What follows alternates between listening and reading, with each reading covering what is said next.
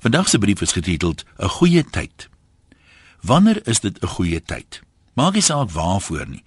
'n Vriend van my wat 'n lewe probeer maak as 'n sanger, kyk Saterdag aan die Bokke se toets teen Wallis by ons. Hy sou eintlik graag wou opgetree het, sê hy, maar 'n Saterdag aand wanneer die Bokke speel, is nie 'n goeie tyd nie.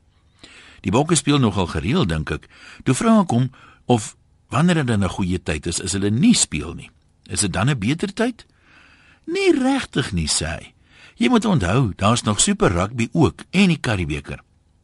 Soms voel dit vir my gaan hy voort, daar's maar min mense wat nie rugby geesdriftig is is nie.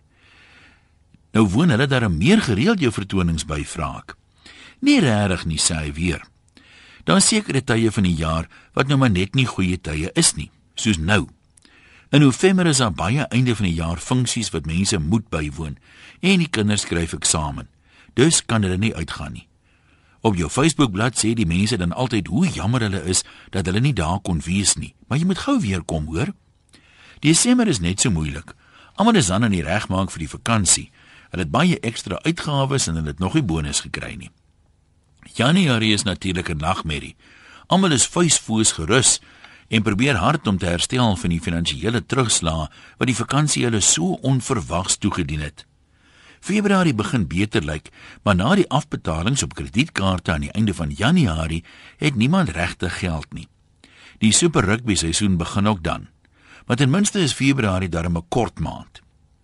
Maart is meer belovend, behalwe dat mense dan aan die spaar is vir 'n wegbreekie oor Paasnaweek.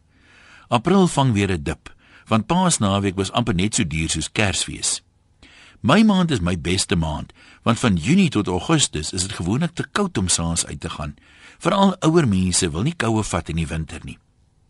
Dinge tel daarom op van September af, maar in Oktober bereik die Karibeker seisoen natuurlik sy hoogtepunt by die halfeindstryde en die eindstryd. Van jaar toe die Bulle se seisoen vroeg klaar gemaak het, het ek 'n paar shows in Pretoria probeer reël, maar dis of mense te depressief was om iets te geniet. En as jy natuurlik terug by November met sy eksamens en sy funksies. Ek probeer hom opbeur. Ek het nooit besef sangers is net so uitgelewer aan die seisoene soos die boere nie. Maar dit lyk dan altyd so lekker om te sing, né? Ja, knik hy instemmend. Maar die boerdery, net soos dit in 'n mens se bloed kom, so is die sing ding in my bloed. 'n Mens hoor soms van boere wat maar aanhou boer tot hulle eendag uitboer. Ek hoop maar net my slotgesang lê nog ver.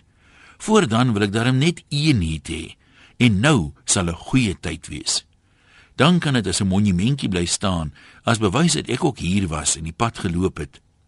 Kyk, as iemand uitboer, dan bly sy plaasdammers darm altyd agter, al is hy droog. Groete van oor tot oor, anoniem.